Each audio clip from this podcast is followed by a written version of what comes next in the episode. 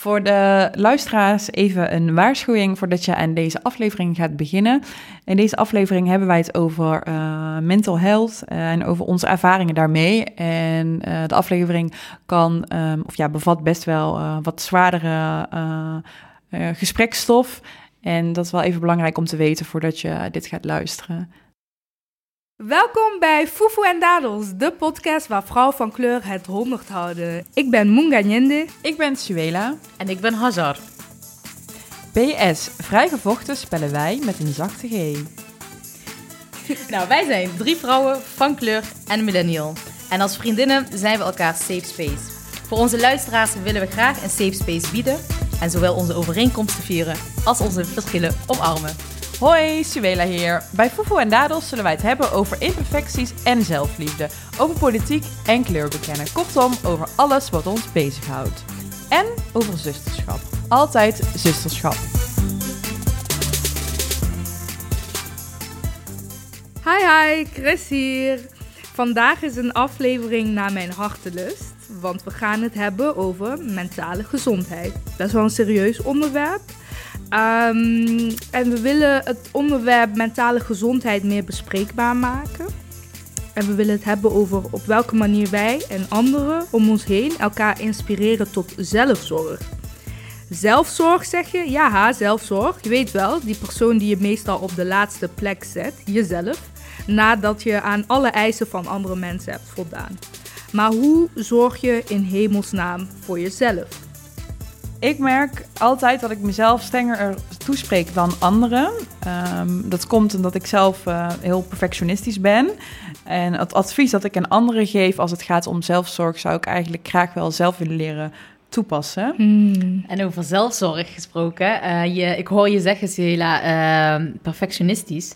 Ik denk niet dat je perfectionistisch kan zijn, maar dat het ehm, iets is wat je heel graag wil nastreven. Ik heb daar zelf namelijk ook heel veel last van, dus ik eh, ik zoek heel veel dingetjes op op internet of luister uh, podcasts die gaan over mental health of uh, lees boeken die daarover gaan en ik probeer daar eh, wat ik, waar ik tegenaan loop, probeer ik een theorie voor te vinden en dan op die mm. manier mezelf te genezen. Of in ieder geval zelfredzaam te worden daarin. Uh, maar ik, ik merk dat daar denk ik soms wel veel meer voor nodig is dan alleen jezelf proberen te helpen. Hmm. Even een check-in, dames. Wat is mentale gezondheid eigenlijk? Nou, mentale gezondheid gaat over een balans in je hoofd. Een balans waarin je jouw volledige potentieel kan realiseren. Je kan omgaan met een gemiddeld niveau van stress, die hoort bij het leven en productief en vruchtbaar werk leveren. Dus een werk die een bijdrage levert aan de gemeenschap waar je onderdeel van bent of wil zijn. Oftewel, hoe lekker voel jij je in je vel en in hoeverre zorgt het niet lekker in je vel zitten ervoor dat je niet meer de dagelijkse dingen kan doen je onder normale omstandigheden van zou genieten. Je onder normale omstandigheden van zou genieten. Maar wat gebeurt er als genieten je niet meer lukt? Ja, dat kan zich op uh, heel veel verschillende manieren uiten. Helaas uh, vaak niet heel positief. Vaak kunnen angsten, ernstige vormen van uitzondering, zelfhaat en depressie zelfs uh, een gevolg hiervan zijn. En ehm, je hebt het meestal ook niet van de een op de andere moment een angst of een depressie te pakken. Ik wil, uh, ik wil er om te beginnen het feit dat de angsten, uh, dat zelfhaat, dat depressies, dat dat ziektes zijn. Uh, en dat doe ik bewust, want dit zijn geen beschrijving van de persoon zelf. Ik hoor vaak mensen zeggen van, ja, dat is een depressief persoon of ik ben depressief. En hier gaat het, naar mijn mening, dus al helemaal fout. Je zegt namelijk ook niet als je last hebt van een gebroken been, ik ben een gebroken been. en ja, dat geldt dus eigenlijk ook hetzelfde voor een mentale ziekte. Uh, ten eerste is het zo dat je dan ook benoemt dat het, een, uh, dat het iets is wat voor tijdelijke duur aanwezig kan zijn.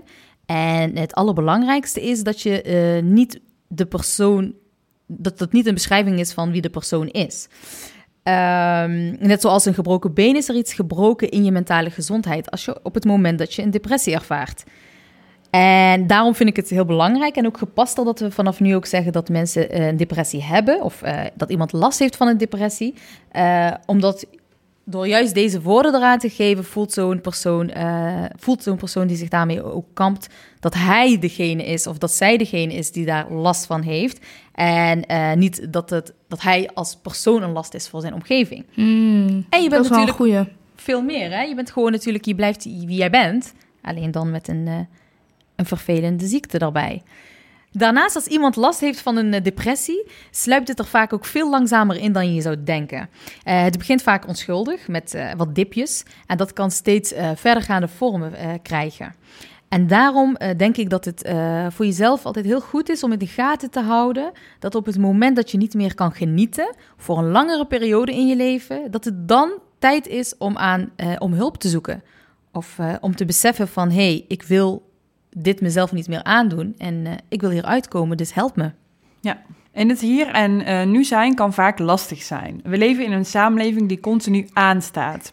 De druk om te presteren is hoog. Dit zorgt ervoor dat je vaak bezig bent met de toekomst, datgene wat nog komen gaat. Je kunt dan gemakkelijk vergeten om te genieten, om te genieten van dat wat nu is. Dit is ook mijn grootste valkuil. Niet altijd kunnen genieten van mooie momenten, omdat ik in mijn hoofd al bezig ben met het volgende doel dat ik van mijn lijstje wil afstrepen. Op momenten dat ik wat meer rust heb, wat eigenlijk niet vaak voorkomt, kan zo'n gevoel van in het hier en nu zijn me echt overvallen. Ik ben geneigd om dat gevoel te negeren en mezelf weer op te zadelen met nog meer to-do's. Ja, ik wil even op uh, twee dingetjes ingaan die jullie benoemen. Uh, ik begin even bij jou, Swela. Mm. Je zegt van dat het je kan overvallen om in het hier en nu te zijn en je dan toch weer vervalt in je to-do's. En ik heb daar ook heel erg last van. En kan je dan misschien wat meer beschrijven hoe dat er bij jou uitziet en hoe dat je er dan weer uitkomt? Ja, nou, ik ben uh, iemand die um, heel erg goed gedijt onder werken, bijvoorbeeld. Dus bij mij is een remedy wel om gewoon heel veel structuur in mijn leven te hebben. En zo richt ik mijn dag ook in. Um, en als er dan iets vervelends gebeurt, dan is mijn coping om um, dat soort van te negeren en gewoon verder te gaan. En um, ik heb het uh, ook druk. Ik, ik werk uh, vijf dagen in de week. Uh, daarnaast hebben we deze podcast, een sociaal leven. Dus de momenten dat, het, dat ik echt rust heb, dat komt dan niet zo vaak voor. En als dat dan is, dan kan, um, als ik een vervelend iets heb meegemaakt bijvoorbeeld, um, kan me dat dan best overvallen in dat moment. En um, ik ben dan zo iemand die mezelf dan gewoon opzadelt met, nou, dan ga ik maar even sporten, of dan ga ik nu koken. Dus heb je dat? Ja, ja dat is eigenlijk... Uh, ja. Daar herken ik mezelf wel heel erg in. Alleen bij mij ziet dat eruit als dat ik juist dat stukje van moeite hebben met in het moment zijn, dat heb ik juist in de zin dat ik mij heel erg richt op de toekomst. Niet per se eens op to-do's, want die bezorgen mij ook wel veel stress, maar ik, mijn coping is nadenken over over vijf jaar. Mm. En dat kan een fijne coping zijn. Ja, ja, het kan een fijne coping zijn. Als bijvoorbeeld, stel je maakt iets mee wat jou heel veel stress geeft in het moment. En je denkt van in 10 years will this, this matter. Dat, dat brengt je heel erg tot rust. Want heel veel dingen will not matter in 10 years. Het, het, gaat hier eigenlijk in, in essentie ook over uh, de valkuilen van het relativeren. Als ik zo, ik relativeer heel veel. Mm. Um, en dat kan, maar ik ga dadelijk ook uh, verder in deze aflevering uitleggen op welke momenten dat me wel tegenstond. Mm. Want relativeren is niet altijd uh, de ja, remedy. Uh, Oké, okay, die houden we nog even van jou te goed dan. Ja. Um, nou, jij hebt het over dat uh, het gevoelens zijn van je, je down voelen en, en dat soort dingen. Dat dat gevoelens zijn die ook zich langzaam um, kunnen ontwikkelen. Uh, hoe ziet dat er volgens jou uit? Nou, ik, ik denk dat het uh, verdrietig zijn, je down voelen, dipjes hebben, dat dat menselijk is. Mm-hmm. En uh, daarom zeg ik ook, het sluipt erin. Want je hoeft niet bij elk moment dat je verdrietig bent meteen te denken... oh, ik moet nu snel professionele hulp zoeken... want anders zit ik uh, over een tijdje aan de antidepressiva. Maar ik denk wel, als je, dat het een meetlat voor je is... op het moment dat die heel lang aanhouden. En dat er niet meteen van buitenaf een, een, per se een, een aanleiding is. En al zou er een aanleiding zijn, als het gewoon te lang voor jouw gevoel duurt, dat je denkt, hé, hey, ik wil eigenlijk van het mooie weer kunnen genieten, maar ik, het, ik voel het vandaag niet, morgen niet, overmorgen niet. Je hoeft niet uh, te wachten totdat het helemaal escaleert. Je mag ook al best wel op tijd uh, professionele hulp vragen om te weten hoe je om kan gaan met deze situaties en misschien erachter te komen of er een dieperliggende probleem uh, is. Ja, hmm. Dus ja, niet goed op jezelf passen heeft allerlei nare gevolgen. En die wij zelf ook uh, hebben meegemaakt, waar we zelf ervaring uh, mee hebben. En ja, dat is dus een verstoring eigenlijk van je mentale gezondheid. Of de verstoring van je peace, zoals ze op Instagram zeggen. En ja, dat heeft te maken met dingen soms die, of ja, eigenlijk ook vaak, die buiten jou om liggen. Levensgebeurtenissen die buiten jou om liggen. Bijvoorbeeld hoe je bent opgegroeid, met wat voor financiële middelen en met welke vorm van emotionele stabiliteit. Maar ook bijvoorbeeld een depressieve aanleg, angststoornissen en andere vormen van mentale uitdagingen die in je familie voorkomen. Bij mij is het zaadje van gebrek aan balans in uh, mijn mentale gezondheid zeker weten uh, geplant. Zeker weten geplant als gevolg van migratie. Ik denk dat het wel klopt, uh, ook wel voor meer mensen met een migratieachtergrond. Ja, dat ik als kind al samen met mijn ouders alles heb uh, moeten achterlaten wat we kenden. om ergens compleet opnieuw te beginnen. Of geboren worden in een land en nog steeds gezien worden als de ander dat dat toch uh, een, ja, je met een bepaalde onrust de wereld uh, inslingert, als het ware. Ik, uh, de achtergrond van migratie waar je het over hebt, hè, de AZC-ervaringen die jij ook gehad hebt.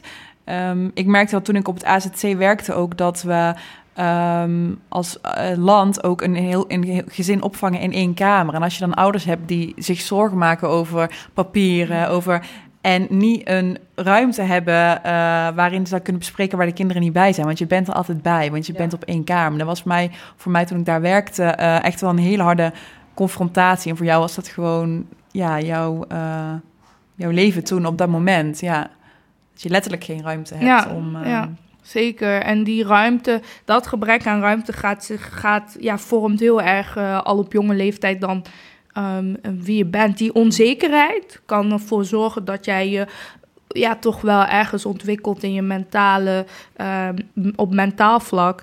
Ik weet niet eens hoe ik het moet zeggen, maar het zorgt gewoon voor een, uh, een kleine inbalans in je brein. Hmm. En die kleinigheid kan groter worden met de tijd als je niet in een omgeving zit waar daarop in, waar men weet dat je daarop moet en kan inspelen, uh, kan, kan die inbalans uh, groter en groter worden. Heeft dat um, jou iets gebracht door de op latere leeftijd daarmee bezig te zijn en bewust te zijn van, oh, dat is dan gelinkt daaraan? Misschien luisteraars van ons uh, die dat misschien niet zo zou herkennen, dat dat daar wel een invloed in kan hebben?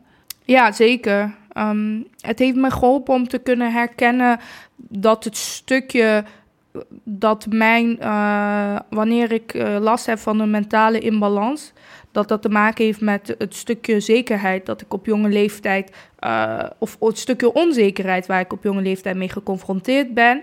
En dat dat ervoor heeft gezorgd dat ik in mijn leven op zoek ben naar zekerheden. En dat ik die zekerheid vind in toekomstbeelden. Omdat dat mm. dingen zijn die sowieso nog niet gebeurd zijn. En mm. dus heel erg voor mijn gevoel dan maakbaar zijn. En dan kan ik daarin een soort van wegdromen. Mm. Dus dat is, uh, dat is waardoor dat mijn coping is geworden. En ik denk dat het daar bewust van worden helpt mij om andere, gezondere kopingsmechanismen te vinden en ook te accepteren, de realiteit te accepteren. Als je opgroeit in een AZC, en bij mij was dat nog voor best wel korte tijd, voor anderen is dat nog veel langer geweest, maar als je daarin zeg maar terechtkomt of in een context van asiel en opvang, dan um, is de realiteit, kan die best lelijk en hard zijn.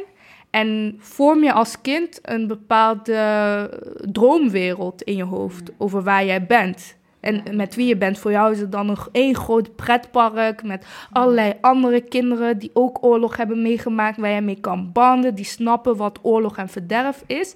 Maar in jouw kinderbrein is dat gewoon heel prettig. En dan creëer je een bepaalde uh, ja, droomwereld waarin je weg kan uh, drijven. En, en kijk je ook altijd uit. Je kijkt uit naar je volgende status, uh, naar je volgende verblijfstatus, naar je volgende.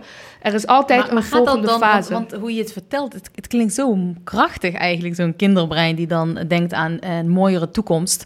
Of aan, uh, aan, aan hoe, hoe, mooi het is waar die zich nu in bevindt. Maar je zegt eigenlijk wacht je telkens hè, of op een status of op een, uh, op een uitspraak van de IND. Hoe is dat, is dat dan gepaard met angst of is het juist gepaard met heel veel moed, hoe ik het bij jou hoor? Um, nee, het is wel gepaard met heel veel angst. Zeker bij je ouders. Want je, zeker als je met je ouders bent en je weet gewoon dat je ouders. Eh, je voelt gewoon wanneer je ouders zorgen maken, weet je wel. Maar pas op leeft, latere leeftijd ga je voelen wat die, wat die onrust uh, over ging. En daar ga ik straks uh, nog wat meer over vertellen. Want ook, ook, al is het moed, het is natuurlijk oneerlijk. Dat is het sowieso. Ja, en ja, wat jij nu vertelt is voor mij echt wel dat ik denk inderdaad, wow, ja, je bent dan ook zeker als ouders, je moet wel met de toekomst bezig zijn. Oh, wanneer hebben we papieren? Wanneer zou ik gaan mogen werken? Wanneer, omdat de situatie zoals die nu is, te unbearable is, zeg maar. Om zeker, hè, uh, om, met wat je allemaal achtergelaten hebt en uh, mm -hmm. ja. om te accepteren. Ja, eigenlijk kan je je niet veroorloven om terug te kijken. Nee. Uh, omdat dat dan gewoon te veel pijn doet. En um, ik, ik heb gisteren heb ik uh, toevallig, omdat ik een uh, boek aan het schrijven ben met de butroman. En ik heb gisteren toevallig om een beetje memories op te halen, ben ik gaan googlen. Uh, naar mijn oude um, kleuterschool in Rwanda. En toen googelde ik en toen zag ik een foto met um, kindjes met dat uniform dat ik toen aan had. En dat zijn zeg maar lichtblauw uniform met de rode stropdas. En ik kreeg van die herinnering tranen in mijn ogen. Wow. Omdat dat alles terugbracht. En toen dacht ik, oh ja, in another lifetime. Oh dus je laat echt een leven achter. Ja. En ik zie die kindjes en ik denk, dit was ik. En dit had ook een leven kunnen zijn. En een hele andere Christella. Oh, dat is ik wel, voel het echt ja. in mijn maag. Ja. Heftig. Maar ja, ik, uh, ik wil daar zo uh, wel nog meer op ingaan. Wanneer kregen jullie voor het eerst uh, te maken met die vraagstelling van mentale gezondheid? Ik heb in mijn jeugdige leven um, eigenlijk voornamelijk een onbezorgde tijd gehad. Um, ik was zelf niet bekend met mentale struggles en ook niemand in mijn um, directe gezin, zeg maar. Wel in de familie, maar niet direct in het gezin. waren daar bekend mee of benoemde dat zo op die manier. Um, en um, ik, ik kon me dan ook nooit echt, als iemand bijvoorbeeld uh, vertelde van nou, ik kom echt nu uit mijn bed, kon ik, kon ik me, als ik in alle eerlijkheid, nooit echt voorstellen van hoe, hoe kan dat dan en waarom dan en uh, mm. dat. Um, en toen ik wat ouder werd, heb ik um, wel van dichtbij meegemaakt hoe het voor iemand kan zijn om echt in een depressie te zitten. Um, en um, nog wat later um, heb ik uh, zelf ervaren dat um, je met dat, dat ding jou ook kan kunnen overkomen. Um, ja, wat ik dan wil vertellen is, ik heb um, twee keer iets heel vervelends meegemaakt uh, op straat, straatintimidatie. Toen ik 18 was, gebeurde dat al. Toen ik werkte bij uh, een blauwe supermarkt. en ik uh, was klaar met werken. Zou zeggen afgewerkt, maar dat is weer iets heel, iets heel Brabants. Ik was afgewerkt, maar goed. En ik fietste naar huis en um, het was half tien s'avonds in september, dus het was ook nog wel licht buiten. En daar kwam een scooter pal naast me rijden. En als ik het nu over heb, dan kan ik me ook echt goed, gewoon precies herinneren hoe dat was. Um, hoe dat ging. En toen voelde ik ineens dat een, een kracht mij achterover trok. Um, nou, die jongen die trok me dus van mijn fiets af. En mijn fiets die uh, viel, die kwam weer bovenop mij terug. En mijn reactie was schreeuwen. Dus dat heb ik ook gedaan. En uh, die jongen die reed weg. En ik had heel erg pijn. Um, ik kon het mobiel niet goed vinden. Die was uh, ook een, bijna ja, kapot, zeg maar. Een heel oud mobieltje. Ik was 18. En ik zocht mijn mobiel en ik heb de laatst gebelde, die kon ik nog bellen, zeg maar. Dus ik kon hem niet meer ontgrendelen, maar wel de laatst gebelde bellen. En dat was mijn broer. Dus nou, ik heb hem toen opgebeld en gezegd dat ik daar lag. En um, dat was voor mij een, een, traumatische gebeurtenis. Van, ik heb daar dus ook een, ja, een gebroken sleutelbeen aan overgehouden. Um, dat was gewoon straatintimidatie. Ook dat ik nog goed weet dat ik daar lag. En dat ik heel erg voelde van, ik moet nu um, om hulp uh, roepen. Dat deed ik ook. Uh, maar ik, um, ik heb trouwens allemaal niet verteld op wat voor weg het was. Het was, ik fietste naar huis en het was een fietspaadje um, waar uh, omringd een, een, een aantal bosjes waren. En het was verder gewoon een bewoonde woonwijk, zeg maar. Er was gewoon 100 meter waar die fietspad en die bosjes waren. En ik was ook dus terechtgekomen in half in die bosjes. En ik moest echt mijn best doen om aan te geven van, oh, ik ben hier een slachtoffer en er is iets gebeurd. Want ik weet nog dat ik dus schreeuwde en dat er twee meisjes langs fietsen en die schreeuwden gewoon terug. Die dachten, die konden daar niet goed mee omgaan. Ja, die wisten niet van, uh, wat moet ik nou doen? Um, ik kan me ergens voorstellen, als je zelf ook een jong meisje bent en je hoort iemand schreeuwen, denk je, dat is gevaar. Uh, ja, ik ga gewoon weg. Mm. En toen lag ik daar en toen voelde ik mij heel... Um, uh, kwetsbaar. En ik was feitelijk ook een slachtoffer. Want ik weet nog, Christella, dat ik met jou wel eens erover heb gehad... dat mijn wat ik moeite mee heb, is om slachtoffer te zijn. Maar feitelijk was ik toen gewoon een slachtoffer van die jongen die mij van mijn fiets trok. Um, dit resulteerde, allemaal even kort samengevat, in aangifte doen. En um, uh, de politie raadde me aan om naar slachtofferhulp te gaan. Uh, waarop mijn vader zei van, nee, nee, nee, nee, nee, niet doen. Want dan maak je het allemaal groter in jouw hoofd. Dus uh, daar was, als ik terugkijk, eigenlijk... Um, dat, dat relativeren wat mijn vader dus deed uit goede bedoelingen, heb ik daar heel erg overgenomen. En ben ik ook zelf toe gaan passen. Um, totdat, ja, misschien heel typisch dat het weer gebeurde, maar ik op 26-jarige leeftijd, dus nog niet zo lang geleden, weer straatintimidatie heb meegemaakt. Uh, namelijk dat um, iemand mijn, uh, ja, het is echt heel ziek en het lijkt ook gewoon niet echt, maar uh, er zijn zelfs krantenberichten van, dus het is. Um, ja, dat iemand mij uh, mijn haren afknipte toen ik op station, ja, jullie weten dat wel, um, zat. Ik merkte daar niks van op dat moment. Ik, was, ik zal het even uitleggen voor de luisteraars. Um, ik zat op station Eindhoven te wachten op mijn bus. En ik, uh, nou, mijn bus kwam aan en ik liep daar naartoe. En de jongen die naast mij zat, die riep mij terug. En die zei, hey, kom eens, um, hier ligt iets uh, volgens mij. Dus ik denk, nou, wat is zijn Maar ik kwam en ik zag dat, daar mijn, uh, dat er een heel groot stuk haar lag. En hij zei, heb jij extensions of zo? Dus ik was helemaal geschrokken. Dus ik, nee. En ik voelde aan mijn haar en er kwamen nog meer grote plukken uit. Dus ik was eigenlijk helemaal in shock van, ben ik ziek of wat heb ik? Weet je wel, hoezo gebeurt het? Ik kon me niet voorstellen dat, dat iemand dat gedaan zou moeten hebben heb ik mijn moeder gebeld en die kwam uh, naar het station toe. Die kwam mij ophalen en die zag gelijk van, dit moet gewoon geknipt zijn. Nou, nou, weer resultaat, hè, een beetje weer dat die trauma van toen ik 18 was, weer aangifte gedaan. Uh, de politie die uh, beelden kon opvragen en die toen uiteindelijk die jongen gepakt hebben. Um, die uh, een, een, um, een obsessie met haar had. maar ik maakte dat dus weer mee, zeg maar, een soort gelijk iets. Heel lang haar, ik ben ook heel ijdel, voor zover jullie het nog niet door hadden. Dus voor mij was dat echt een... Ik had weer hetzelfde gevoel. En, en dat gevoel um, kan ik best omschrijven als um, dat jij, um, toen ik 18 was, dus een gebroken sleutelbeen had. Terwijl ik bijvoorbeeld twee weken later naar het concert van Coldplay ging, maar dus niet helemaal uit mijn dak kon gaan, want ik had gebroken sleutelbeen door uh, iemand anders. En uh, dat mijn haar, mijn haar moest ook voor duidelijkheid helemaal afgeknipt worden, omdat het zo'n groot hap was wat hij eruit had geknipt. Uh, met de professionele schaar overigens, dat mijn haar gewoon afgeknipt moest worden. Dus ik had ineens een bob. En dan zeiden mensen van, oh ja, dat staat je goed. Ja, nee, als ik dat had gewild, had ik dat wel gedaan. Dat ik door iemand anders ineens een bob had. Mm. Dat gevoel van machteloosheid. En de ironie hierin is ook, um, hè, ik ben best wel opgevoed met, uh, oh, kijk je uit en waar ga je s'avonds naartoe? En toen ik voor het eerst alleen op vakantie ging, is ook na die tijd gebeurd. Omdat... Um, ik de ironie dus is dat deze twee gebeurtenissen gewoon allebei op klaarlichte dag gebeurden en één zelfs op Eindhoven station. Dus hoezo ben je beschermd of kun je jezelf helemaal niet? Dus in, mijn ogen gewoon dikke bullshit. Uh, dat kan dus gebeuren. En nou, die dingen overkwamen mij en de gevolgen daarvan waren vooral bij het stukje van het haar omdat die jongen, um, dat daar krantenartikelen over verschenen. En dat Omroep Brabant uh, uh, jou belt. Van nou, we hebben op Facebook gezien dat. En we hebben van iemand je nummer. Ge en wil je verhaal doen? En dat was voor mij zo in my face. Um, ja, daar kon ik toen niet zo goed mee omgaan. Daar ben ik dus ook voor weggelopen. Toen, um, in de zin van dat ik daar dus die emoties dus niet daarmee wilde dealen. Toen ben ik, uh, toen heb ik ook slachtofferhulp uh, weer, uh, die namen contact op met mij. En toen ben ik daar één keertje geweest. En kijk, omdat ik iemand ben die relativeer, en zeker in als iets mij overkomt, zoiets heftigs als dat, dan ga ik meteen relativeren. Van nou, die jongen zal wel ziek zijn. En uh, hè, die, uh, die is heel erg op hem gefocust. Van nou, wat erg voor zijn ouders. Als je zo'n zoon hebt die zo ging ik eh, denken. En Mm. dat soort gesprekken had ik. Ja, Waardoor ook vriendinnen hè, ook tegen me zeiden... eigenlijk. Ja, waardoor ook vriendinnen tegen me zeiden van... Hallo, maar je mag je je shit overvoelen. Maar ik had ook heel erg door van... Net als met mijn gebroken sleutelbeen en dus mijn haar.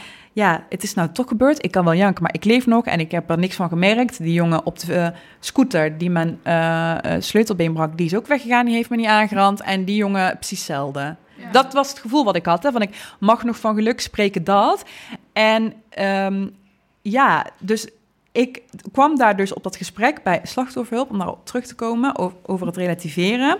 Ik deed dat dus, want dat was mijn coping, dat ben ik gewend. En ik zat daar met haar in een gesprek en ik was aan het relativeren en ik kon heel goed benoemen. Nou, die jongen zou wel ziek zijn, ik begrijp dat wel. Eh, mijn emoties, eh, ja, eh, die, eh, daar ga ik me gewoon mee dealen. Ja. En waardoor zij ook zei tegen mij, nou, jij bent zo'n leuke meid en je hebt zo'n leuk leven, je hebt het helemaal niet nodig. Ja.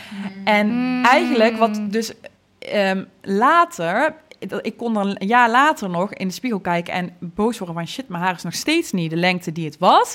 En dan had ik weer de angst van ja, maar ik ga nou niet een paar jaar later weer, of een jaar later dan, weer eh, tegen mijn moeder zeggen dat ik het eigenlijk zo vervelend vind. Of met Chris en Hajar over hebben dat dat gebeurd is. Want ja, Voel je je dan een zeur? ja, want waarom ga je er later wel over hebben? Maar dat komt dus door, waar ik net over had, de valkuil van het relativeren. Door niet stil te staan bij je eigen gevoel, waardoor het je later gaat inhalen. Dat is in mijn... eh, En wat is jouw... Ja, wat heb jij met het woord slachtoffer dat jou zoveel weerstand bij jou oproept, zeg maar? Ja, dat is iets wat ik, eh, ja, waar wij het ook wel eens over hebben, natuurlijk met z'n, met z'n drieën. Dat, ik kan er nog niet helemaal een woord aan linken of gewoon duidelijk uitleggen, maar ik denk dat ik. ehm, ik heb heel lang geloofd dat, het, dat jouw eigen leven ook maakbaar is. Hè? Eh, Engelse, de Engelse frame van eh, ex- internal locus of control. Van dat jij eh, jezelf kan bepalen hoe gelukkig je bent op een dag. En dat is eigenlijk een soort van. Maar dat is ook de coping die mijn, mijn, mijn, mijn ouders ook hebben. Hè? Dus het is Wij gewoon mijn, mijn, ja, nee, mijn, ja, dat is gewoon wel hoe zo ben ik opgevoed. En ehm dat pas ik toe. En heel vaak is dat voor mij ook prettig. Maar als dit soort dingen me dan overkomen, dan gun ik mezelf niet de tijd om slachtoffer te zijn. Terwijl ik dat, ik weet nog dat jij tegen mij zei, Chris, van, maar jij bent nu feitelijk een slachtoffer. Ja, ja, en dan ik, is er eh, zo'n ik- politierapport en dan denk ik, oh, daar staat er ook bij. En dan, nee, ik heb daar dan echt een erver. Ik wil gewoon niet eh, zwak zijn. Dus ehm, dat is denk ik. Ja. ehm, Ja, dat is een beetje dat, zeg maar, dat wij altijd sterk moeten zijn. Eh, en altijd eh, onoverwinnelijk. Maar ehm, slachtofferschap is een, zeg ik altijd tegen jou, is een objectieve realiteit en geen subjectieve waarheid. In jouw geval is dat absoluut geen keuze geweest. nee. En, en ik- vind het, eh, als ik jouw verhaal hoor, Sehela, ehm, dan moet ik altijd denken, want we hebben heel vaak gesprekken over van alles en nog wat. En ik heb ook best wel een, eh, mijn moeder lijkt ook best wel veel op jou.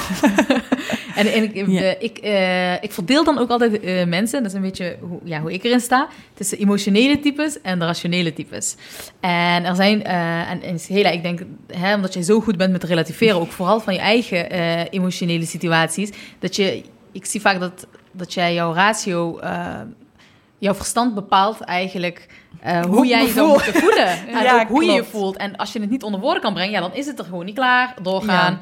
En eh, ik ben helemaal tegenovergestelde. Ik ben Mm. eh, extreem, ja, extreem, ik ben een emotioneel type. Dus ik ben juist van eh, dat ik meteen, dat mijn lichaam heel snel kan reageren op heel veel situaties. Mm. Ook alleen al het feit als ik in een plek terechtkom en ik voel gewoon die energieën van verschillende mensen, dan ik weet precies waar ik eigenlijk niet zou moeten staan, omdat ik dan weet van die gaat al mijn energie wegvreten. En bij mij is het heel erg, mijn ratio is zo van, ja, je moet sterk zijn. Dus dan, wat ik heel vaak doe, super verkeerd achteraf, ga ik juist naar de mensen die heel veel energie van mij gaan vreten, waar ik al bij voorhand weet van, dat voelt niet lekker, dan ga ik die juist daarbij staan en daar heel veel eh, aandacht en een heel podium voor aanbieden, waardoor ik aan het einde van de avond helemaal uitgeput naar huis ga en precies weet waar alles van ligt en hoe ik me voel en dat ik daar dan weer van moet gaan herstellen. Terwijl ik heb nu, eh, zit ik wel in een fase van mijn leven dat ik eh, het erken dat ik zo ben. Dus dat ik weet van, hé, hey, dat is gewoon een kracht eigenlijk wat je hebt. Je voelt al bij voorhand bij wie je wel en bij wie je niet moet gaan staan. En dat ik nu juist de mensen die mij energie geven en bij wie ik me veilig en fijn voel, eh, zonder dat ik daar woorden aan hoef te geven, omdat mijn lichaam dat zegt, daarbij ga staan en aan het einde van de avond juist met veel energie Mm. naar huis ga. Ja, heel mooi. Ja. Maar het is wel een procesgevecht geweest. Omdat Ja. ik juist altijd in mijn, in mijn hoofd had van... jij moet sterk zijn, dus je moet ook tegen die mensen kunnen. Ja, want waarom, waarom voel je dan de drang om, eh, om naar die mensen toe te gaan die dan energie kosten? Is dat een stukje bewijzen? Ja, bewijzen voor mezelf. Van, eh, en ook het stukje bewijzen van... hé, hey, maar misschien klopt het toch niet. Ik wil de hele tijd in mijn gevoel de basis zijn... door eh, het uit te dagen van... Klopt, het klopt niet wat je nu voelt. Dit, dit is een heel goed persoon. En achteraf blijkt gewoon dat mijn gevoel wel juist daarover was. En nu vertrouw ik veel meer op eh, mijn gevoel van... hey, eh, mijn intuïtie zegt er wel van waar ik wel en waar ik niet heen moet. En wat wel en wat niet fijn voelt. En ook qua wat ik ga zeggen. Ja. Voelt dit fijn aan of voelt dit niet fijn aan? Ik kan ook niet helemaal een open boek zijn. ja. Dus eh, als mensen mij leren kennen, duurt daar gewoon, heb je heel veel tijd voor nodig om mij, om dichter bij mijn eh, hart te komen dan, eh, dan wat ik aan de buitenkant laat zien. En jij zegt ook wel eens dat dat ook wel te maken kan hebben met wat voor ruimtes, of het witte ruimtes zijn of gemengde ruimtes. En ehm, ik ben daar ook wel benieuwd naar van, ja, je hebt het ook wel eens, en we hebben het vaker Mhm. over onze mig- migratiegerelateerde eh, mental health challenges. Ja, hoe, hoe sta jij daar verder ook in, zeg maar? Ja, ja kijk, ik denk ehm, dat migratie, want dat vond ik ook mooi in jouw eerste stuk, eh, zeker ook eh, los van alle normale eh, mental health challenges die alle mensen hebben. Als jij ook nog eens een migrant bent of een tweede, derde ge- generatie migrant, een migrantkind of een migrantenouders bent, dan heb je ook nog dat stukje. En voor mij is dan niet het stukje van loslaten van een vaderland, van een land wat ik heb verlaten, maar voor mij is het stukje van omarmen van het land waarin ik ben geboren, eh, waarin ik ben opgegroeid. Maar eh, eh, ook het land dat mij niet thuis laat voelen, waarin ik niet in elke, in de meeste omgevingen juist niet de norm ben.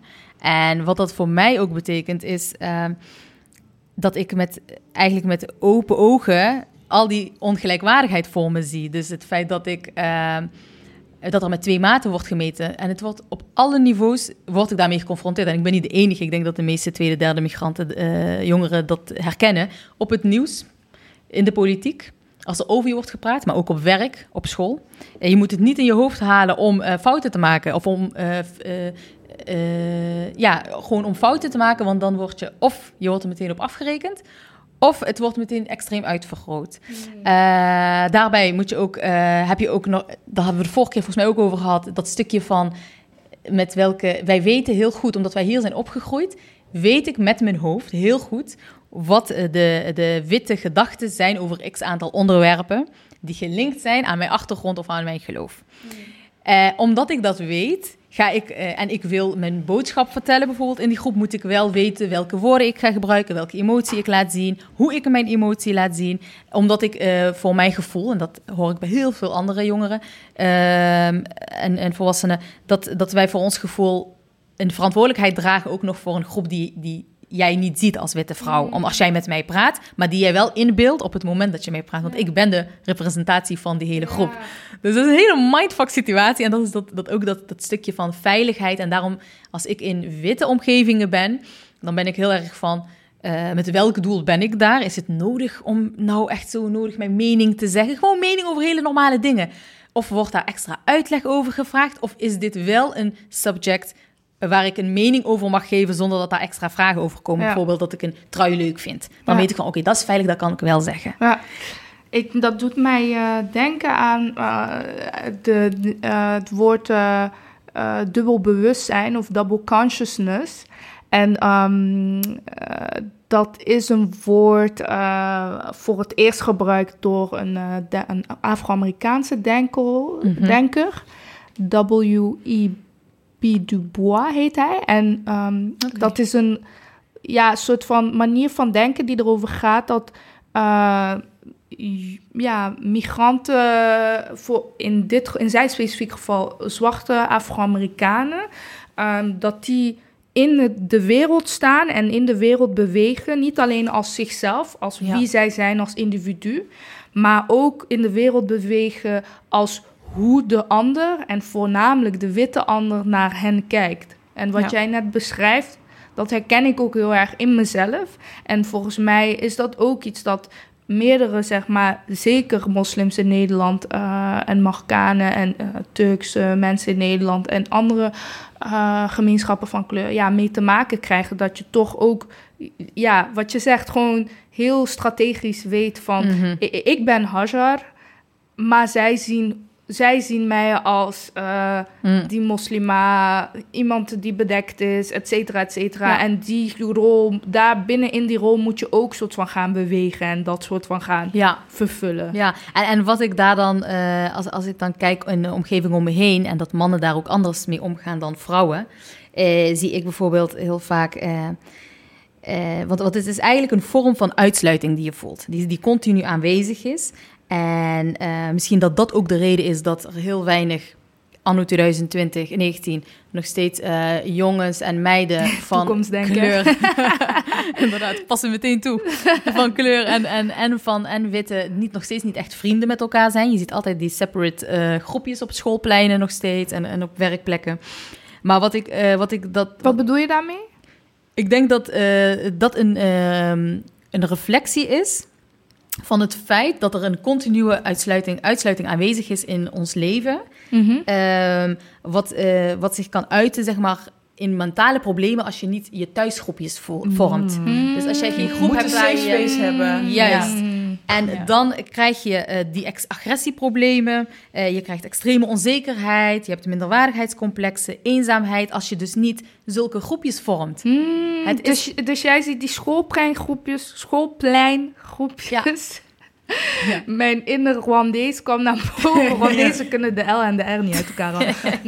maar anyway, die schoolpleingroepjes uh, zie jij dan als, uh, als soort van squads, als zeg maar thuisfronten. Ja. Die ja. letterlijk worden gevormd voor overleving. Ja, ja, niet dat je met dat gedachte erbij zit, ja, maar het is de, maar, men, de mentale en je, en, je, en je lichaam wat daarop reageert. En om, uh, ik weet nog dat er een vrouw die ik ken, haar zoon, die zat op een, uh, op, uh, op een hele witte school.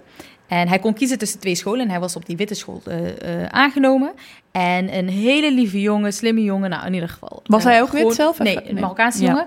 En hij werd daar heel erg extreem agressief.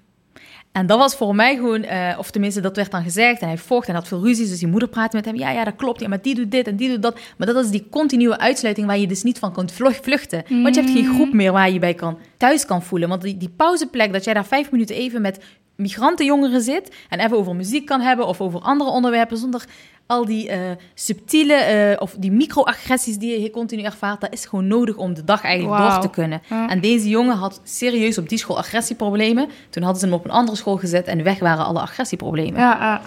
En ik noem het ook vaak tot agressief gemaakten. In plaats ja. van agressieve mensen. Of hè, tot, uh, net zoals dat ik uh, altijd zeg, tot gastarbeider gemaakt. Want ja. volgens wie ben jij agressief en volgens welke blik ben jij uh, een gast? En, en daarom, uh, om daar nog heel even op in te, in te haken, uh, vind ik zelf dat er veel meer ruimte ook moet komen voor deze vorm, vorm van uh, ontworteling eigenlijk van de samenleving. Mm. in de professionele geestessector, dus sowieso onder, onder psychologen, moet daar extra aandacht voor komen. maar ook wel onderling. wij komen toevallig ook wel de cru eigenlijk is dat wij uit culturen komen. Waarin wij eh, op dit moment vaak het meeste slachtoffer zijn van dit. Ik noem het woordje slachtoffer.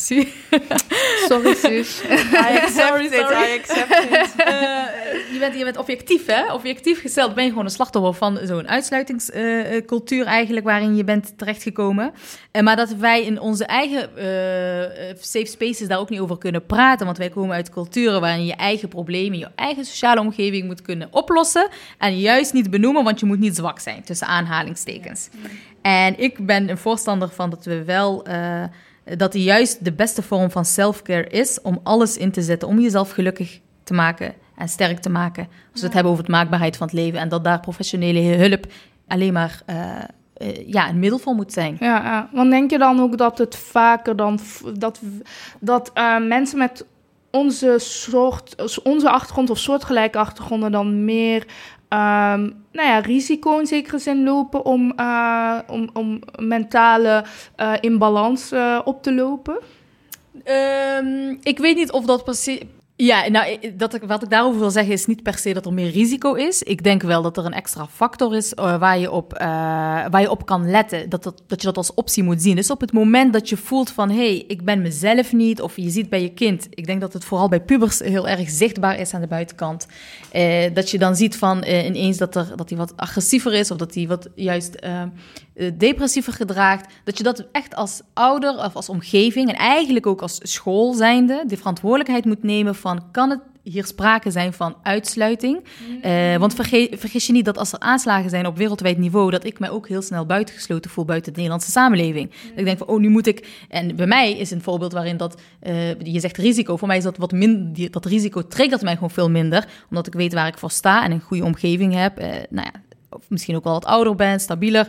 Maar dat ik wel, uh, dat ik dan zelfs daarin denk van, oh shit, shit, uh, kijk niet naar mij, vraag niet naar mij. Dus ik kan me voorstellen bij jongeren dat dat zich op hele vreemde manieren kan uiten. En dat je niet meteen de jongeren als uh, boosdoener daarop moet aanspreken, maar ook dat hele plaatje mee moet nemen van, is er hier iets wat jou heeft getriggerd? Voel je je buitengesloten? Voel je gediscrimineerd? Of is er iets op andere niveau? En als we het hebben over um, specifieke tijden in het jaar, zou ik eigenlijk het, het soortgelijke iets kunnen zeggen voor uh, letten op, zeg maar, uh, kinderen, uh, voornamelijk zwarte kinderen of kinderen met een donkere huidskleur mm -hmm. in de periode van november, december tegen Sinterklaas ja. aan. zelfs als je school het niet met, met blackface viert. Dat je wel uh, let op uh, ja, hoe voelen de kinderen in de klas uh, zich. En, en ja. dat, dat stukje is wel een stukje dat ik zeker ook heb gemist als kind. Om, als er heftige, inderdaad. Um, wereldwijde gebeurtenissen waren. Als er op een bepaalde manier wordt gesproken over vluchtelingen, over migratie, de mentale effect die dat kan hebben op uh, mij nu al, dus laat staan als uh, op jonge kinderen, ja. is wel iets uh, om inderdaad alert op te zijn. Ja, en ook, um, ook, mooi wat je zegt inderdaad ook over de, de, minder zonnige periode in Nederland. Dat heeft ook heel veel effect als je weinig zon krijgt. Dat heeft ook heel veel effect op kinderen die of uit een ander land komen waarin ze dat absoluut niet gewend zijn, of in jouw ehm, ja, dus in jouw gemoedstoestand of op de ouders, waardoor de kinderen dat ook zo mee kunnen dragen. Ja. Dus in die zin uh, mogen we met z'n allen wel een wat ruimere blik hebben, ook op mental health. Ja. En de oorzaken daarvan. Ja, uh, ja. precies. Ja. Klopt wel wat je zegt, want je kan ook inderdaad uh, um, dingen zelf niet meemaken, maar wel van je ouders overnemen. Ja. Gevoel trauma's. Precies, die intergenerationele. Ja. De, ik was heel jong toen mijn ouders hier naartoe kwamen. En toch draag ik de gevolgen, de mentale gevolgen daarvan vandaag. En zelfs mijn ouders kijken daarvan op, zeg maar, af en toe. Van de herinneringen die ik zelf heb. En soms is het ook zo van de herinneringen die worden ook gevormd door de gesprekken die je ouders hebben gevoerd. Hè? Zoals mm-hmm. wat jij zei, Swela, net van je woont, je leeft vaak, vooral als je van uh, um, wat materieel minder welgestelde gezinnen komt en je woont in kleiner op elkaar, dan krijg je natuurlijk heel veel mee als kind. En soms ga je gewoon, worden de herinneringen van je ouders jouw herinneringen ja, door de gesprekken ja. die zij gevoerd ja. hadden toen uh, jij jonger was. Ik heb wel nog een vraagje over dat stukje van of wij min, meer risico lopen. Jij zegt, Hajar, van ik denk niet dat we niet meer risico lopen. Ik denk dat het een aspect is. Ben benieuwd hoe jij dat ziet, Suela. Want um, wat ik bijvoorbeeld de afgelopen jaren uh, heb gehoord en gezien in de media is een poging tot praten over mentale gezondheid onder mensen van kleur.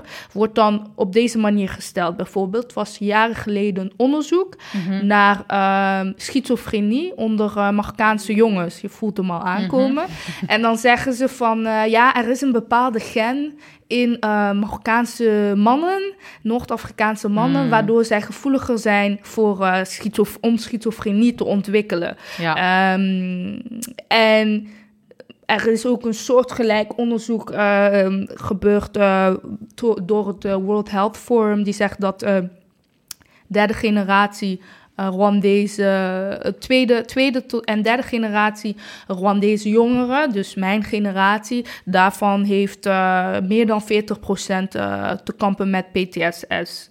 Ja. Um, en dus dat zijn eigenlijk die jonge kinderen die het niet letterlijk fysiek op dezelfde manier hebben meegemaakt als de oudere generatie van bijvoorbeeld mijn broers en mijn neven en nichten en mijn ouders. Um, maar zien jullie dat soort onderzoek ook als een frame. Hoe zie jij dat, Suela? Wanneer, wanneer je zeg maar, geboren wordt, dan zijn er heel veel dingen al, zelfs voordat je geboren wordt, die ervoor kunnen zorgen dat jij gevoeliger bent voor uh, mentale uh, struggles op latere leeftijd. Dus als je bijvoorbeeld ook inderdaad als kind um, een onveilige hechting hebt of jouw moeder heeft net iets heel heftigs gehoord terwijl zij zwanger is van jou, dus ervaart ook veel stress, dan kun je daar gewoon uh, last van hebben. Als kind en later ook op volwassene leeftijd. Mm -hmm. En het is zeker zo dat in deze tijd waar wij leven, met al de migratieproblematieken die er zijn, dat je kunt stellen dat mensen die gevlucht zijn, of mensen die hier niet geworteld zijn, of die ouders hebben die hier niet geworteld zijn, dan dus sowieso al een aantal van die aspecten dat die aanwezig zijn. Als jij gevlucht bent, dan heb jij, kun je altijd wel stellen, sowieso een vorm van een van PT, van trauma. Dus zou je dan kunnen stellen dat die groepen daar meer last van uh, kunnen hebben, omdat die situatie feitelijk gewoon zo is. Uh, daarbij vind ik wel dat je ook uh, situaties hebt van bijvoorbeeld witte mensen die het te maken hebben gehad met een ouder die een kind verloren is. En als jij daarna geboren wordt, dan kun jij eenzelfde soort dysfunctionele mentale gesteldheid ontwikkelen. Dus ik vind niet dat je het kan. Dus wat jij zegt over het frame. Ja, dat klopt. Mensen met migratie uh, met een migratieverleden, migratieproblematieken, die um, kunnen eerder last hebben van mentale issues. En aan de andere kant heb je ook mensen die die problematiek niet hebben, maar wel andere gebeurtenissen in hun leven uh, hebben, waardoor, uh, waardoor die effecten ontstaan. En mm. um, misschien was jouw vraag ook heel erg gedoeld op het stukje van kan jij um, dat het frame is van dat er een soort van genetisch iets is of zo. Uh, dat vind ik dan, dan toch? Of, of had je dat niet van. Ja, of met... dat beeld zo is van, van, van mensen van, oh, er zit een genetische factor in. Ja. Da, dat vind ik dan, um, daar zou ik dan zelf, uh, en ik heb me moeten zeggen, ik ben geen deskundige op dat gebied, um, uh, daarin wel ontkennend willen zijn. Wat ik, wat ik zie is dat um, de migratiegevolgen ontkend worden. Mm. En in Nederland ook. Ik heb er ooit een, een, een, een, een stukje, een gedicht over geschreven van, uh, uh, weet je, de problemen van die kinderen. They carry their parents, uh, hoe zeg je dat? Uh, ja, de... baggage on their back, weet je wel?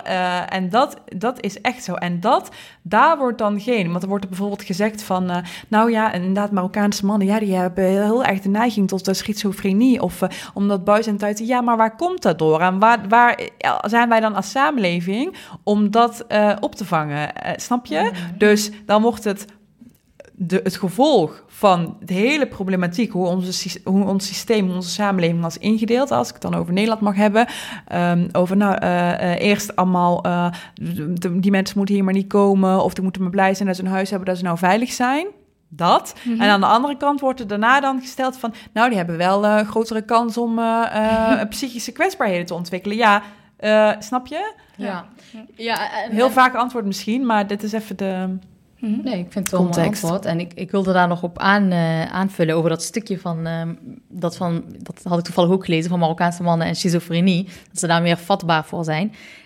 Um, daar wil ik dus meteen... Daar hebben we gewoon allerlei voorbeelden van. En iedereen kent ze, en op tv, en in kranten, en in boeken, waar dat dus precies aan ligt. En dat is nou precies het hele probleem, ligt daarbij op, uh, op hogere hand. Het is, uh, is het, het is... symptoombestrijding, denk je? Ook, maar... Wat betekent het, het symptoombestrijding?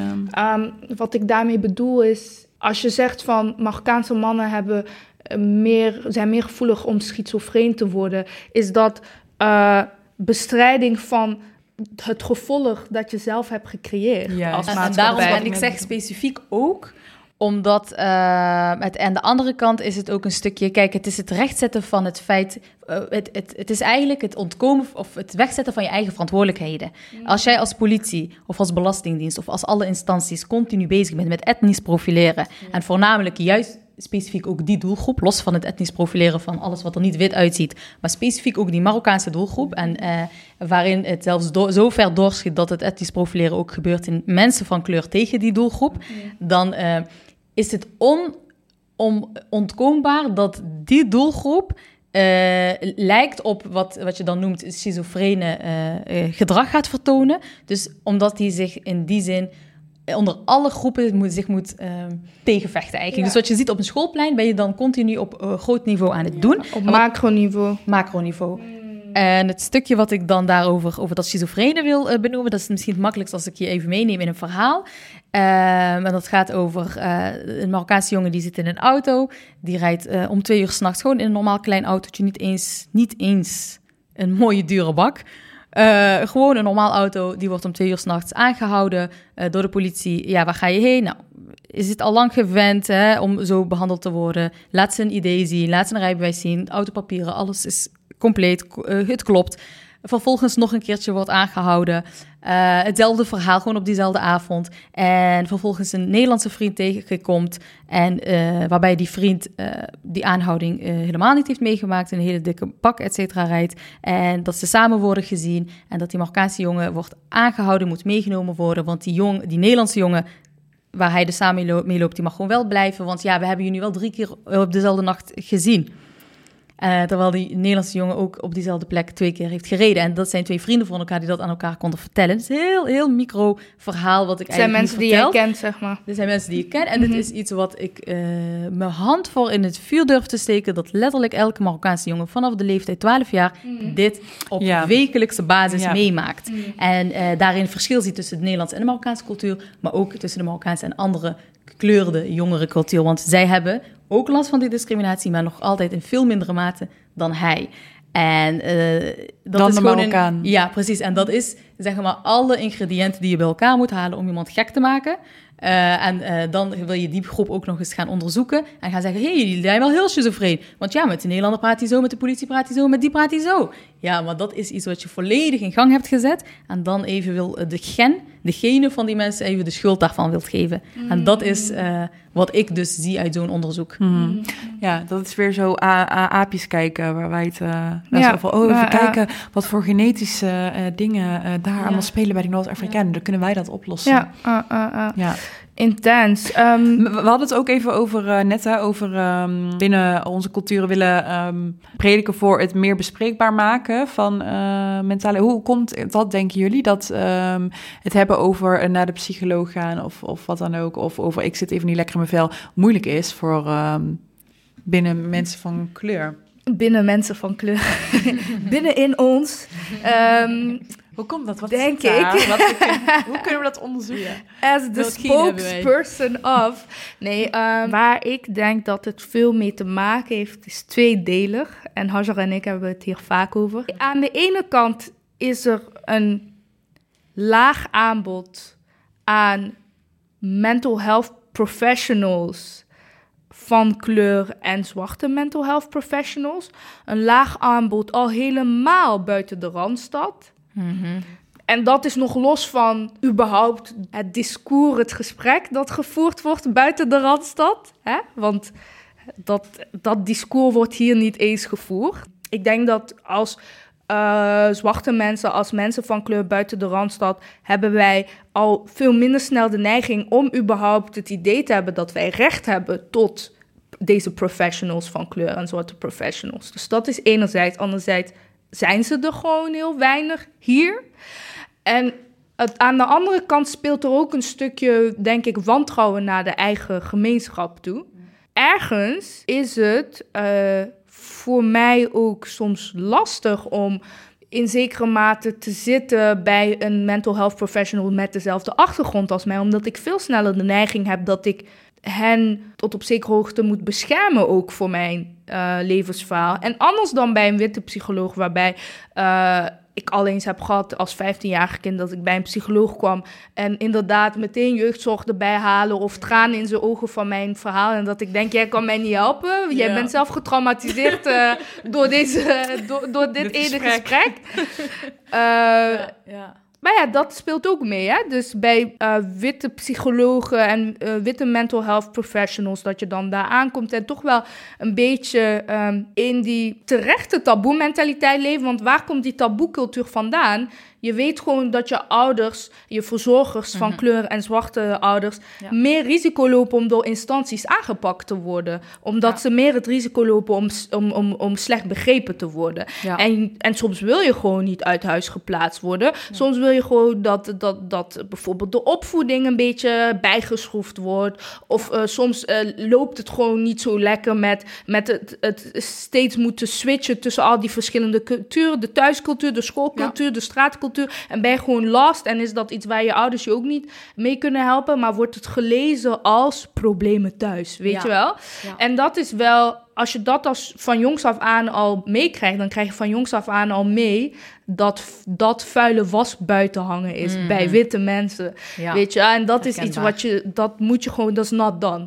Maar tegelijkertijd, en dat is het andere punt dat ik wilde maken, als je dan bij een mental health professional van kleur of zwarte mental health professional terechtkomt, dan voelt het alsof al helemaal alsof je je vuile was buiten hangt bij je eigen mensen die sneller toegang hebben tot, weet ik veel, je moeder. Ja. En dat het weer terugkomt bij haar, zeg maar. ja, ja, ja. En ondanks dat hè, je als, als, als professional gewoon eh, geheimhoudingsplicht hebt, het, is, het heeft een invloed op hoe jij in die behandeling eh, je beweegt. En, en, en, en in hoeverre en hoe snel je jezelf laat helpen. Dus, eh, ja. En wat je nu eigenlijk beschrijft, eh, Chris, is precies dat, dat achterdocht. eh, wat ook een voed, voed- voedingsbodem is voor, eh, voor schizofrenie en andere, andere st- pro- stoornissen, heet het geloof ik. Psychische kwetsbaarheden. precies, ja, psychische kwetsbaarheden. Veel mooier inderdaad gezegd. Dankjewel, Sheila. Eh, dat, je als, dat het ook een eh, gevolg is van migratie. Mm. Dus dat we daar ook, eh, dat we wel wat liever voor onszelf mogen zijn als het komt op van, ja, het is normaal dat ik zoveel dingen doordenk. Want ik heb gewoon een andere, ik heb een migratieachtergrond en dan kun je misschien niet in je eigen familielijn meteen herkennen van waar dan de problemen in zitten. Maar alleen al het feit dat je constant, wat je net benoemde over dat jeugdzorg en thuissituatie en bui, vuile was buiten hangen, dat is al iets waar je mee wordt opgegroeid en waar een, eh, een, een witte Nederlands kindje veel minder, mee, of eigenlijk bijna niet mee te maken heeft. Ja.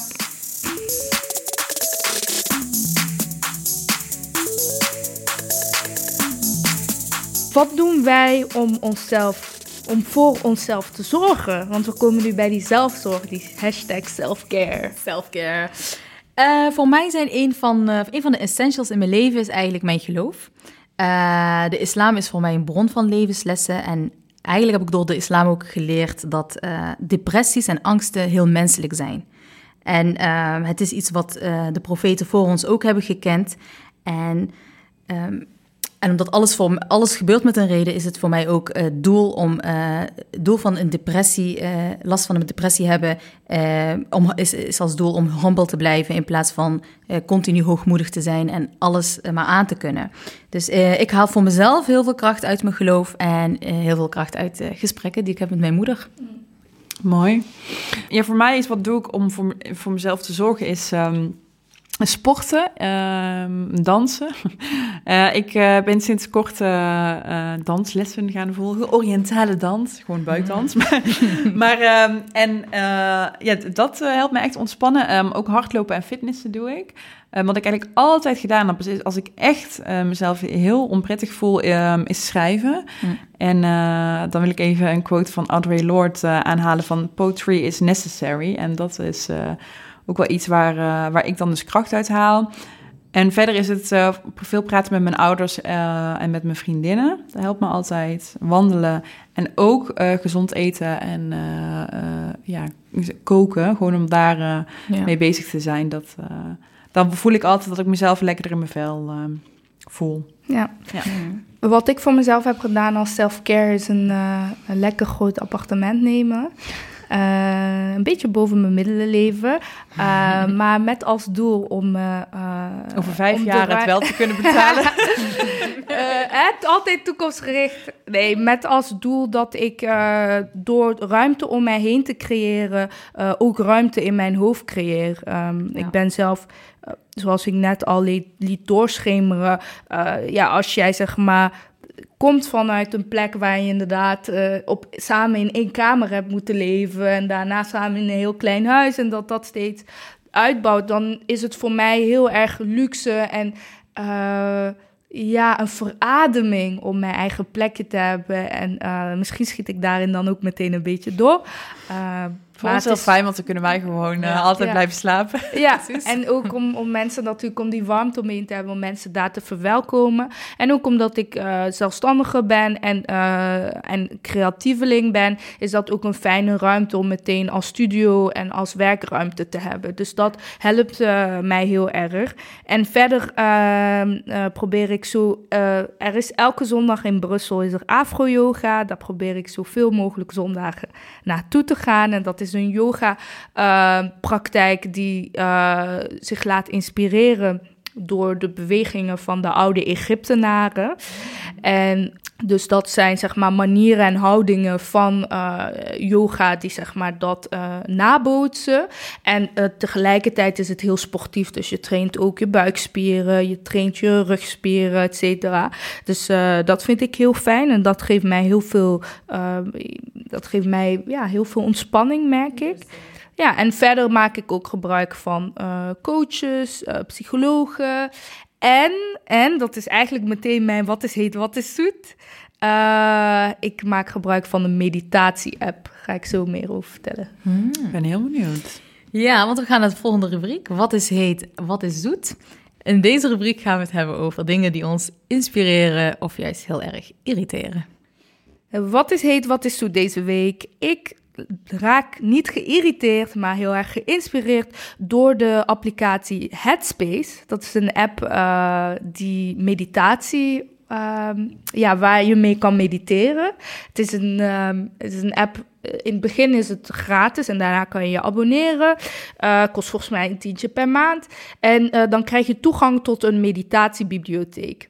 En in het is eigenlijk een manier van wennen aan mediteren als praktijk. Vooral voor mensen die het of heel erg denken van wat een zweverig gebeuren of mediteren. Dat doen wij mensen van kleur toch niet. Um, en dit is zeg maar een applicatie dat, die laagdrempelig is. Je doet het met jezelf, voor jezelf.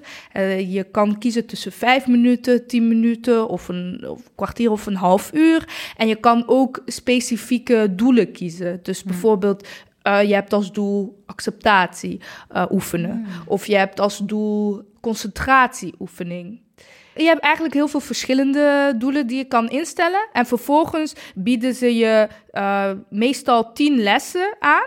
En uh, kan je die tien lessen in tien dagen gaan volgen. En dan zeggen ze ook altijd: welkom bij de tweede dag. Vandaag gaan we dit en dit doen. Okay. En dan uh, is er een stem die jou helemaal daarin meeneemt. En omdat, je, omdat het echt aangeeft van 10 minuten, kan je niet meer die smoes hebben van: ik heb geen tijd om te mediteren. Want 10 minuten van je dag is super weinig. Ja. Heb ik gemerkt. Het is echt uh, die mentale uh, struikelblok die je voor jezelf neerzet, die er helemaal niet hoeft te zijn.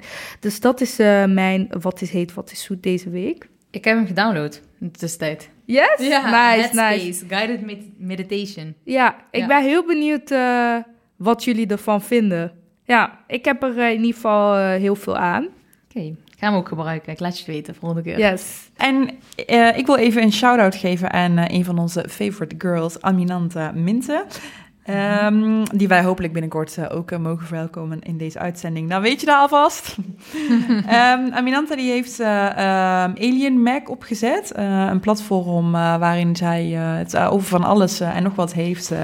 ook voor en door jongen ja. van kleur. En heeft ze eigenlijk helemaal alleen opgezet. Zeker super, weten. ja, heel knap. Super goed. Super volg haar op Instagram. Ja, ja, At Alien Mac ja. Volg haar ook ja, we volgen haar allemaal op Instagram. Ja, ja, ja. interessant. Ik uh, kom altijd uh, leuke artikelen tegen. Yes. Ja, ja, en Aminante heeft uh, afgelopen maand, of deze maand, bedoel ik afgelopen week, een super bijzondere bijeenkomst georganiseerd voor jongeren die, die bij een iftar wilden aansluiten. Ja. Um, en zij heeft um, voorafgaande aan die iftar hebben zij een bijeenkomst gehad waar zij het over van alles en nog wat hadden en waar mentale gezondheid ook op de, op de agenda punt stond.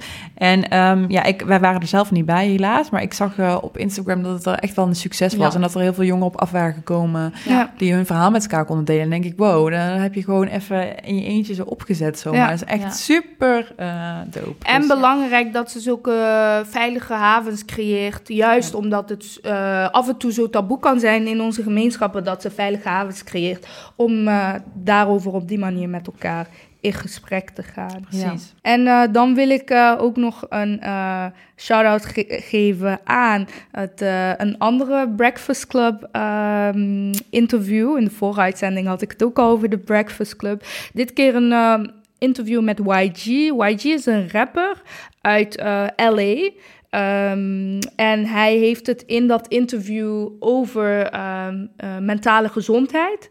En over hoe hij eigenlijk vanuit de rapcultuur en de gangcultuur nooit eigenlijk uh, ja, echt wist of wat mentale gezondheid was. En dat hij pas uh, in de afgelopen jaren uh, te maken ermee uh, heeft gekregen op een manier dat hij ging begrijpen van wow, ik heb er zelf ook last van. En ik vind dat heel mooi en props dat het steeds meer bespreekbaar wordt, dat onderwerp ook in de hip-hopwereld. En mm -hmm. in dit geval wel de Amerikaanse hip-hopwereld. En ik hoop dat het ook steeds meer naar Nederland gaat komen, zulke gesprekken. En wat ik ook mooi vind is dat een van de hosts van de Breakfast Club, Charlemagne The God heeft er ook onlangs een boek over geschreven. Het heet uh, met de titel Shooked One uh, over anxiety playing tricks on me. En um, ja, ik vind het eigenlijk alleen maar mooi dat uh, ja, zwarte mannen zich ook op deze manier open gaan stellen om ja. over deze onderwerpen te praten, ook als het ongemakkelijk voor ze voelt in de cultuur waar we in zitten. Ja, absoluut. En dan gaan we naar een ja, om toch aan te sluiten op, op de mental health en, uh, en over hoe onze samenleving daarmee omgaat, gaan we naar een veel uh, minder, uh, eigenlijk naar een heel trieste bericht. Ehm, er is helaas weer een, weer een, een vervelend gebeuren. Er is, er is een jongen van 15 jaar, Marwan, die hoogstwaarschijnlijk zelfmoord heeft gepleegd, omdat hij dat als gevolg is vanwege de extreme pesterijen op zijn school. En ik denk dat dit ook een goede aanleiding is om uh, dit onderwerp, dit onderwerp van pesten en mental health, uh, weer uh, op de agenda te zetten. En vooral ook dat we daar met als samenleving de verantwoordelijkheid voor moeten gaan dragen en veel harder naar de overheid en naar beleidsmakers toe moeten schreeuwen eigenlijk en demonstreren en alles doen wat er te doen valt om uh, hier een serieuze oplossing voor te gaan uh, zoeken. Want ik, ik zie deze berichten gewoon veel te vaak voorbij komen. Dat uh, kinderen van deze leeftijd zichzelf iets verschrikkelijks aandoen. Omdat ze het gewoon niet meer aankunnen. Die treiter, dat treitergedrag en, en het pestgedrag op school. Um, dus dat wilde ik wel even benoemd hebben. Wat, en um, ik merk aan mezelf als ik zo'n bericht lees. Ik, kan, ik heb het geen één van die berichten trouwens helemaal gelezen. Ik lees die eerste twee, drie uh, zinnen en dan is het gewoon too much voor mij. Dat het me heel extreem raakt, dat het me heel veel pijn doet. Uh, ik voel me heel erg machteloos en ik, ik voel me ook een stukje van, um, niet dat ik er verantwoordelijk voor ben, maar dat ik het liefst al op die, dat ik dat van tevoren had willen weten en daar op die school had willen zijn en dan daar acuut iets tegen had kunnen doen. En ook um, de kwaadaardigheid van die pestkoppen dat, dat voel ik dan ook meteen als ik zo'n bericht zie. Van, eh, dat het, het zijn ook kinderen eigenlijk, het zijn ook 15-jarigen. Dus daar zit ook voor de problemen in. Maar dat, dat het echte slechterikken zijn. Dat, het, dat we er veel harder over mogen praten dan alleen over pestkoppen. Mm. En dat mensen die toeschouwers zijn, meer zijn dan alleen maar toeschouwers. En dat er eigenlijk een, een gedeelde medeverantwoordelijkheid voor is. Dus ja, dat is uh, mijn frustratie heel erg op dit bericht. Ja, want als we het hebben over pesten, hè, uh, is er in Nederland volgens mij geen uh, pestbeleid. Gewoon helemaal niks. Ja, we um, kijken hier naar een beleidsmaker die bij ons aan tafel zit en die ja. niet mag spreken. maar die, die beaamt dat ook, ja, inderdaad. Ja. Dus en daar dat, zijn we mee bezig. Ja, en dat is, ja, dat is eigenlijk gewoon, gaat nergens over, omdat we wel weten hoe groot thema dit is in onze samenleving. En uh, om de zoveel tijd is er een anti-pestactie ja. hier en daar. En, uh, we zijn Niet alleen onder kinderen overigens, ook op de werkvloer uh, ja. gebeurt het. Maar inderdaad, die kinderen die zijn ja, betekend voor het leven op. Dus door dit. en en wat, wat ik daarbij wil zeggen is dat een cultuur van, ehm, van alles moet gezegd kunnen worden en ehm, alles is maar een grap mm. draagt daar natuurlijk wel ja. uh, bij. Hè? Precies. En uh, dat is wel ook een beetje de mentaliteit waar we in uh, Nederland in leven. Ja. Dat alles gezegd mag worden. Het is all fun and games totdat iemand zelfmoord pleegt natuurlijk. Ja. Mijn laatste woorden in deze aflevering. Ik heb het eigenlijk nog helemaal niet specifiek over kunnen hebben. Maar uh, mijn specifieke mental health uh, struggle is dat ik uh, kamp met angst, vooral faalangst. En ik wil voor iedereen die kampt met faalangst even ook een bericht achterlaten. Weet dat je hersenen de werkelijkheid soms manipuleren doordat ze continu bezig zijn met het vinden van oplossingen voor problemen, ook als die problemen zich nog niet hebben voorgedaan. Daarom is het belangrijk om de manier te vinden die bij jou past, die jou helpt je gedachten tot kalmeren te brengen. Weet ook dat falen hoort bij het leven. Het is alleen door erachter te komen waar je niet van houdt en goed in bent, dat je steeds helder beeld krijgt van waar je wel goed in bent en waar je wel van houdt. Skills of zelfs excellentie komen met vallen en opstaan. En zoek op tijd hulp als je die nodig hebt. Ik wil, uh, ik wil eindigen met een uh, Afrikaans gezegde. Um, if there is no enemy within, the enemy outside can do us no harm. En uh, daarom vind ik het vooral belangrijk dat we de gedachten die we hebben voor onszelf uh, niet dezelfde woorden zouden moeten zijn die een vijand tegen ons zou zeggen. En uh, mm. het begint allemaal bij, bij bewustwording. Wees je bewust van hoe je denkt over jezelf. Mooi, heel mooi. Heel mooi. Nou, dan zijn we aan het einde gekomen van deze um, heftige, maar ook wel hele waardevolle uh, aflevering. dank jullie wel voor jullie openheid. Ja, dankjewel Cela voor je acceptatie van je slachtofferschap.